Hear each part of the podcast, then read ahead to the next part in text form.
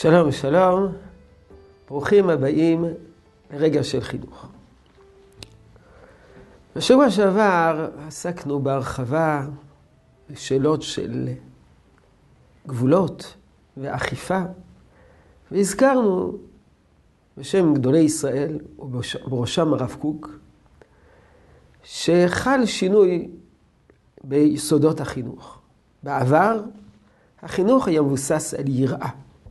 בימינו החינוך צריך להיות מבוסס על אהבה. מה, מה, מה גרם לשינויים האלו? מה, השתנתה השקפת העולם החינוכית? היום חכמי ישראל ואנשי החינוך חולקים על קודמיהם? סבורים שההדרכה של קודמיהם לא הייתה במקום? הם, חינכו, הם חינכו בדרך היראה, אנחנו נחנך בדרך האהבה? בעינינו שגו הדורות הקודמים? כיצד אנחנו רשאים לחלוק עליהם? התשובה היא, וזה יסוד גדול בחינוך, שבחינוך אחד העקרונות היותר מהותיים ובסיסיים זה מבחן התוצאה. חינוך הוא אמצעי כדי להשיג מטרה. המטרה שהילד יהיה מחונך.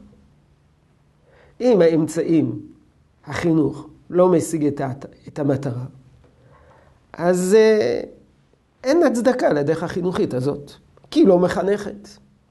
היא לא מחנכת. אני אביא דוגמה מאוד מובהקת. מן התורה, ההורים הם אלה שצריכים ללמד תורה את הילדים שלהם.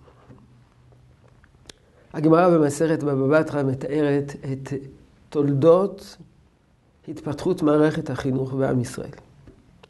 עד השלב האחרון של תקנת יהושע בן גמלה, שתיקן מוסדות חינוך, בתי ספר, בכל מקום ומקום, בכל פלך ופלך, ובכל מחוז ומחוז. ומכאן הלכה והתבססה מערכת החינוך בישראל. אבל מערכת החינוך הזאת בישראל הפקיעה את החינוך מידי ההורים. עכשיו לא ההורים מלמדים את ילדיהם תורה, עיקר התורה נלמדת בבתי ספר.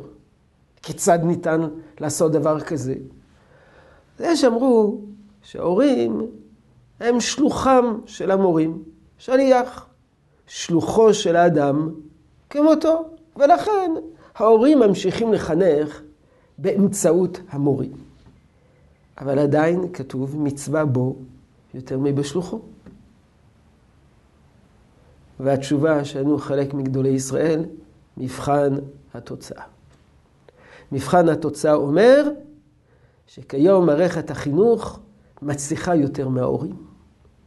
הנה, למדנו, אה, ראינו דוגמה מאוד מאוד משמעותית לעיקרון הזה של מבחן התוצאה.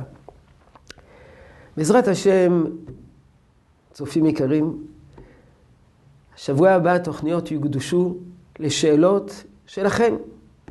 אתם מוזמנים לשלוח שאלות לכתובת שמופיעה למטה עד יום רביעי השבוע, כדי שנוכל להתארגן ולענות עליהם בשבוע הבא. שלום, שלום, יהי רצון שתשרה ברכה בעבודתנו החינוכית.